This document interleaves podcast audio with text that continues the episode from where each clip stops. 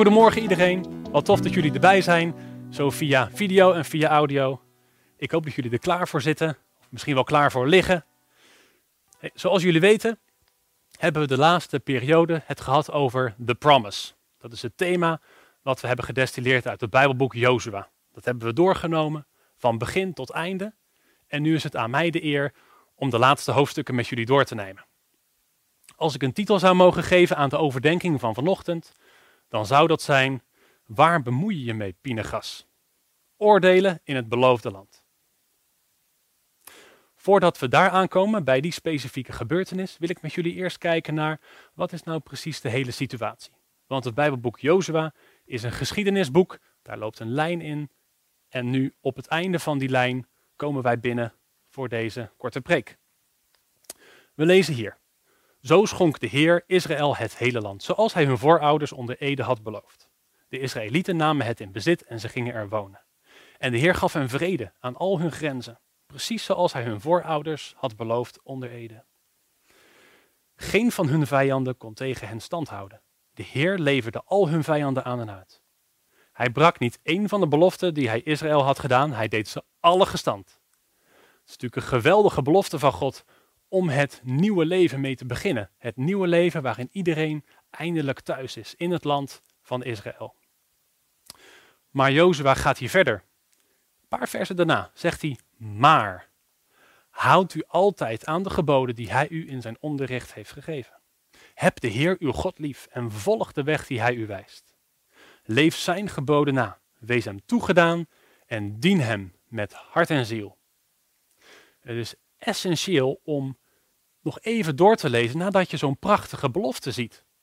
Want als je doorleest, zie je dat dit woordje maar een voorwaarde inhoudt. Maar jullie moeten wel God blijven dienen met hart en ziel. Jullie moeten Hem altijd gehoorzaam blijven. Onder die voorwaarden zul je in het land mogen leven met vrede aan de grenzen en overwinning over al je vijanden. En als je door de Bijbel heen Gods beloftes bekijkt, dan zie je dat het heel vaak het geval is. En hoe zonde is het als je dan alleen een belofte eruit pakt, die uitprint en boven je bed hangt en die dan uitspreekt iedere dag.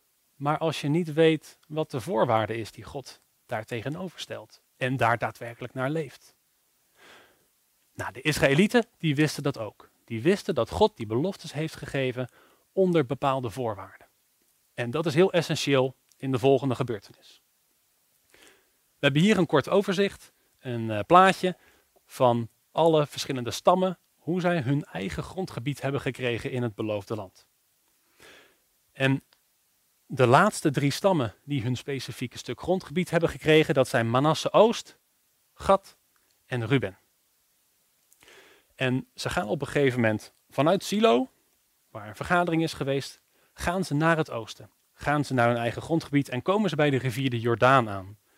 Dat is een enorme rivier die het land Israël van noord naar zuid dwars door midden snijdt, als een echte geografische grens. En voordat ze uh, de rivier de Jordaan overgaan, bouwen ze eerst een groot, opvallend altaar, zo staat dat geschreven. En het is een kopie van het altaar voor de Heer, waar de offers voor Yahweh moeten worden geofferd. Zij maken daar een kopie van. En vervolgens gaan ze naar hun eigen gebied, daar in het oosten. Nou, de westelijke stammen, die zien dat gebeuren. Die zien daar in één keer een groot altaar staan en die herkennen het. Die denken, dit is het altaar van de Heer. Waarom staat het hier? Waarom hebben die oostelijke stammen dat zelf gebouwd? Willen zij zelf God gaan aanbidden op hun eigen plek? Zelf offers brengen? Dat is strikt verboden. Dat heeft God nog zo duidelijk gezegd. En wij weten die voorwaarden voor de belofte. Wij als volk moeten hem met hart en ziel toegedaan blijven. Dus ze roepen een nieuwe volksvergadering in in Silo. En ze besluiten, we gaan oorlog voeren tegen de oostelijke stammen. Wij moeten dit recht zetten. Wij moeten voor de Heer opkomen. En dat wordt gedaan onder leiding van Pinegas. Die is hoge priester in die tijd. Maar wat nou heel wijs is geweest van Pinegas, is dat hij samen met tien wijze leiders eerst naar het oosten toe ging om verhaal te halen. Voordat ze de oorlog los lieten barsten. Ze zeiden, hoe halen jullie het in je hoofd om een altaar te bouwen en zelf onze God te gaan aanbidden? Je weet dat dat niet mag. En de oostelijke stammen krijgen daardoor de gelegenheid om uit te leggen: nee, maar luister, wij hebben dit altaar uh, symbolisch gebouwd. we willen daar helemaal niet offeren. Echt waar, dat is nooit de bedoeling geweest. Wij zijn namelijk bezorgd dat jullie ons op een gegeven moment gaan vergeten. Want wij zitten hier zo weggemoffeld in het oosten van het land, achter de Jordaan. En daarom hebben wij dat hier gebouwd, zodat jullie volgende generatie naar dat altaar kan kijken en zich dan weer herinneren. Oh ja, dat is een gedenkteken wat Manasse Oost, Gad en Ruben hebben gebouwd om ons eraan te herinneren dat zij er ook bij horen.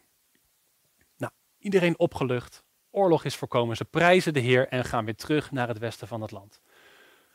Gelukkig. Ik vraag me dan nu af, um, heeft Pinegas nu goed gehandeld? Hij is behoorlijk veroordelend. Hij heeft meteen zijn oordeel klaar. Ze zien een altaar en ze trommelen meteen een leger op. Dat, dat klinkt best wel veroordelend. Je woont net nieuw in dat beloofde land en dan beginnen we nu al met die onzin. Laten we kijken naar wat Gods principes zijn over oordelen. Heeft Pinegas goed gehandeld? En wat zouden wij moeten doen in zo'n soort situatie? Want we komen dat ook op onze eigen manier tegen in ons leven. We beginnen in Matthäus 7. Dat is een stuk van de bergreden en hier is Jezus aan het woord. Jezus zegt, oordeel niet. Oké, nou ja, nu zou je daar kunnen stoppen en dan heb je je antwoord. Je mag niet oordelen. Bemoei je met je eigen zaken. We moeten lief zijn voor elkaar. Laten we iets verder lezen. Zodat er niet over jullie geoordeeld zal worden, want op grond van het oordeel dat je velt, zal er over jou worden geoordeeld. En de maat waarmee je meet, daarmee zal jou de maat genomen worden. Oké, we lezen nog wat verder. En dan begint Jezus te vertellen over de balk en de splinter. Een vergelijking die voor velen van ons wel bekend is. En wat is de conclusie van die vergelijking? Jezus zegt: verwijder eerst de balk uit je eigen oog, zodat je scherp genoeg zal zien om de splinter uit het oog van je broeder en zuster te verwijderen. Dus Jezus laat het niet bij het zinnetje oordeel niet, maar Jezus zegt: kijk nou eerst naar je eigen hart. Kijk eerst naar je eigen daden. En als jij vervolgens zelf die balk uit je oog hebt gehaald, je staat recht tegenover God, je hebt een scherp zicht op wat Gods wil is voor je leven, dan heb jij het recht, of misschien beter gezegd de heilige verantwoordelijkheid, om ook in liefde en wijsheid om te zien naar je broeders en zusters en wellicht bij hen een splinter eruit te halen als die er is. Dus principe 1, kijk eerst naar jezelf. Principe 2, dan is het goed om naar een ander te kijken. Johannes hoofdstuk 7. Jezus weer aan het woord. Dit is een geschiedenis waarin hij net iemand heeft genezen en dat heeft hij gedaan op een sabbat. Fariseeën zijn daar natuurlijk weer niet blij mee. Die zeggen, Jezus, je werkt op sabbat, mag niet, oordeel, veroordeeld. En Jezus zegt hier, luister nou, ga in uw oordeel nou niet af op de schijn. Je kijkt alleen maar naar wat aan de oppervlakte ligt. Je ziet dat ik iets doe op sabbat en je hebt meteen je oordeel klaar. Nee, laat je oordeel rechtvaardig zijn. Laat het gegrond zijn, dat het klopt. Ook weer interessant hier om dus te zien dat Jezus niet zegt, stop met oordelen. Maar Jezus zegt, oké, je oordeelt, maar doe het dan goed. Doe geen valse aannames en kijk dieper. Wat gebeurt er nou echt hier? Weer even terug naar Pinegas. Heeft Pinegas het tot zover goed gedaan? Nou, het begon met oordeel niet en het verhaal van de balk en de splinter. Zag Pinegas scherp genoeg om anderen te kunnen oordelen over zijn broeders en zusters? Nou, als we de eerdere voorkomens lezen van wat Pinegas allemaal deed onder het volk, dan lezen we dat hij een hoge priester is die echt de Heer is toegewijd. Hij is een goed mens, voor zover dat voor een mens mogelijk is. Hij heeft hart voor God en hij is niet bang om zijn eigen reputatie op het spel te zetten, om God gehoorzaam te zijn en om dat ook binnen het volk zo um, te stimuleren. Hij zag inderdaad scherp genoeg om te oordelen. Dus hij had die, dat recht ook en die verantwoordelijkheid als zijnde hoge priester over het volk aangesteld. Ten tweede ging hij in zijn oordeel op de schijn af. Ja en nee. Dus in eerste instantie kan je zeggen, hij zet een leger op poten. Dat is best wel uh, heftig voor de aanname die hij zomaar doet. Maar wat nou ontzettend wijs is geweest van hem, is dat hij dus eerst verhaal ging halen. En daarbij kwam er dus uit dat hij niet het hele plaatje kende. Dus nu voor ons eigen leven. Als wij kijken naar andere mensen om ons heen. En we hebben het idee dat iemand uh, God niet gehoorzaam is. Of dat hij iets anders zou moeten doen. Ga dan niet meteen een leger op poten zetten, maar ga eerst met die persoon praten. Hou je echt van die persoon? Wil je dat die persoon er beter uitkomt? Dan heb je de juiste motivatie en dan kun je daarover in dialoog gaan. Misschien kom je erachter, wat heel vaak zo is, dat je het hele plaatje niet weet. En dat je net wat voorzichtiger moet zijn met je woorden. We kijken verder. En er zijn zo enorm veel Bijbelgedeelten die gaan over oordelen. Je zou echt een uur lang alleen maar Bijbelgedeelten kunnen oplezen waarin God een bepaald perspectief geeft over het oordelen over elkaar. Dus een paar heb ik eruit gelicht. Eentje uit Prediker 7. Prediker 7, vers 5. Het is beter om te luisteren naar de vermaningen van wijzen dan naar de lofzang van dwazen. Mooie poëtische spreuk, maar wat betekent het nou? Voor mij betekent het zoiets als: ben je bereid, um, wil je graag luisteren naar als iemand iets te zeggen heeft over jou? Als iemand meent te zien dat er wat in jouw leven zit wat verbeterd zou moeten worden? Sta je daarvoor open? Of schiet je meteen in de verdediging en sluit je je oren ervoor? Het is beter om te luisteren naar wat wijze mensen over jou te zeggen hebben, dan dat je alleen maar met mensen omgaat die ja-knikkers zijn en die je naar de mond praten.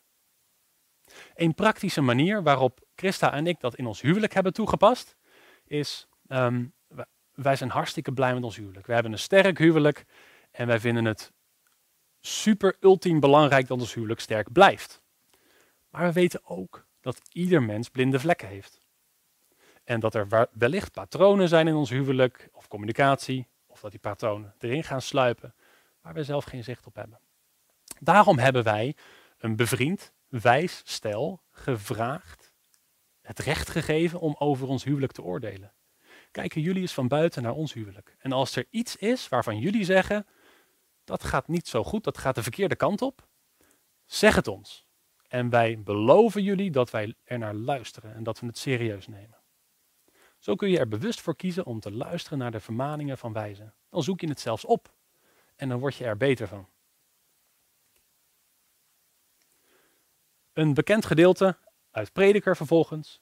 Zoals men ijzer scherpt met ijzer, zo scherpt een mens zijn medemens. Hier wordt een beeld neergezet van twee ijzeren voorwerpen, bijvoorbeeld twee messen, die je zo langs elkaar schuurt, waardoor beide er scherper op worden. Nou, wat gebeurt er daarbij? Daarbij creëer je bewust weerstand, frictie, waarbij er materiaal van af wordt geslepen wat je bot maakt, wat je inefficiënt maakt voor de taak waar je voor bent bedoeld. En zo is dat voor messen dus al die uh, stukjes metaal die eraf worden geslepen, waardoor het weer scherp wordt en het kan snijden, want daar is het voor bedoeld, een mes. Zo gaat het dus ook met oordelen. Wij mogen elkaar scherper maken. Wij mogen ervoor zorgen dat we allemaal meer in lijn leven met zoals God dat voor ons heeft bedoeld. En vaak als ik dit Bijbelgedeelte lees, dan moet ik denken aan een vriend van me uit mijn studententijd. Die was echt uh, scherp. Die past precies in deze, uh, in deze Bijbeltekst. Um, zo had hij ook één keer bijvoorbeeld dat hij tegen mij zei: Tom, jij leeft voor jezelf. Jij leeft niet voor anderen, jij leeft niet voor God. Jij leeft voor jezelf. Wow. Uh, Oké, dat komt dan uh, behoorlijk rauw op je dak, zou je kunnen zeggen. Um, en al je eerste impuls is om in de verdediging te gaan. Weet je wel niet wat ik allemaal voor anderen doe? En... Maar dan is het de vraag, hoe ga je reageren? Want tussen het moment dat je zoiets hoort en de emoties die in je opkomen, en het moment dat je daadwerkelijk reageert, zit er nog tijd om te kiezen hoe je reageert. Dus, eerste optie, wat een hele emotionele optie is. Waar heb je het over, eikel? Jij weet helemaal niet wat er in mijn leven speelt. Wat ben je veroordelend? En dan denk je meteen al, ik wil jouw vriend niet meer zijn. Want jij kwetst mijn gevoelens en daar hou ik niet van. Dat voelt ongemakkelijk. Of je kunt reageren en zeggen, oh, oké, eh, dat zag ik niet helemaal aankomen. Um, kun je vertellen wat je daarmee bedoelt? En zo ging het dan gelukkig. En hij legde daar verder wat over uit. Nou, deels had hij ongelijk en ergens had hij ook wel een punt. En daar kon ik vervolgens weer wat mee. Hij, hij heeft mij in die tijd scherper gemaakt. Maar het was niet altijd het meest comfortabele. En met dat wij dit doen, moeten wij altijd beseffen dat, zoals dit gedeelte zegt, dood en leven in de macht van de tong zijn. Het is heel gevaarlijk om hiermee bezig te gaan. Het is dus als dat mes wat zo scherp mogelijk moet zijn. Ik weet niet of je vanavond uh, eten gaat koken, maar misschien ben je dan tomaten aan het snijden. En welk mes kies je om tomaten te snijden? Kies je voor het meest ongevaarlijke mes? Of kies je voor het allerscherpste mes wat je in je keuken hebt? Natuurlijk kies je voor het scherpste mes. Want anders dan zul je alleen maar je tomaten ermee uh, pureren. Een mes kan pas effectief zijn als het gevaarlijk is. En daar zit de spanning ook in voor dit hele onderwerp. Want ook waarschijnlijk veel van jullie die nu luisteren, die zijn niet zo blij met het onderwerp misschien, omdat ze zelf gekwetst zijn door mensen die heel veroordelend zijn geweest naar ze. En ik begrijp dat. Aan de andere kant moeten we niet de baby met het badwater weggooien, want het is een machtig wapen wat God heeft gegeven aan de kerk. Wij mogen en wij moeten elkaar bijsturen dat we allemaal op het rechte pad blijven. Dat wij kunnen blijven wonen in het beloofde land, in ons grondgebied, met vrede aan de grenzen en overwinning over de vijanden. Omdat wij de Heer altijd toegedaan blijven. Daar hebben we elkaar sturing voor nodig. Dus dat is een hele, um, een hele natuurlijke toepassing van deze tekst. Dood en leven zijn in de macht van de tong. Dat gaat over oordelen, dat gaat over complimenten geven. Weet dat het iets is met veel impact. Ga er wijs mee om. Weet wat je doet. Net zoals dat je met een scherp mes niet zomaar in de ronde zwaait. Heel beheerst. Heel secuur. En het ultieme wat we daarmee zouden kunnen bereiken, staat dan hier in Jacobus hoofdstuk 5. Het zijn de laatste twee versen van het hele Bijbelboek. En daar staat, broeders en zusters, als een van u afdwaalt van de waarheid en een ander laat hem daarheen terugkeren, dan mag hij weten wie een zondaar van het dwaalspoor terugbrengt, die redt hem van de dood en wist tal van zonden uit. Dat is de potentie die er ligt in het rechtvaardig en liefdevol oordelen over elkaar. Het is daadwerkelijk mogelijk dat door jouw sturing in iemands anders leven, hij weer op het rechte pad komt en hij voor God blijft leven. Laten we dat in gedachten houden. En als fundament onder dat alles, check je motivatie. Doe je het uit liefde omdat je echt wil dat die ander er beter van wordt? Of doe je het omdat je het eigenlijk wel tof vindt dat jij het beter weet dan die ander? En dat is heel lastig om die motivatie bij jezelf te onderscheiden. Denk daar eens goed over na. En nou, zo kon ik dat dan bijvoorbeeld ook van die vriend van mij hebben, die zo best wel lomp in één keer tegen mij zei dat ik voor mezelf leefde. Ik kon het van hem hebben, want ik wist, hij heeft liefde voor mij, hij bedoelt het goed. En die motivatie die klinkt dan wel door in je woorden. En dan is dat het verschil tussen of die woorden dood brengen of leven. Zoals ik al zei, zijn er nog zo verschrikkelijk veel meer gedeelten over dit rijke onderwerp. En uh, we kunnen ze lang niet allemaal behandelen, maar je kunt natuurlijk zelf nog wel dit verder gaan uitwerken in je stille tijd, of met je connectgroep of binnen het gezin. En daarom heb ik wat huiswerk hier opgeschreven. Dus wat zegt God nog meer over hoe wij ons met elkaar mogen of moeten bemoeien?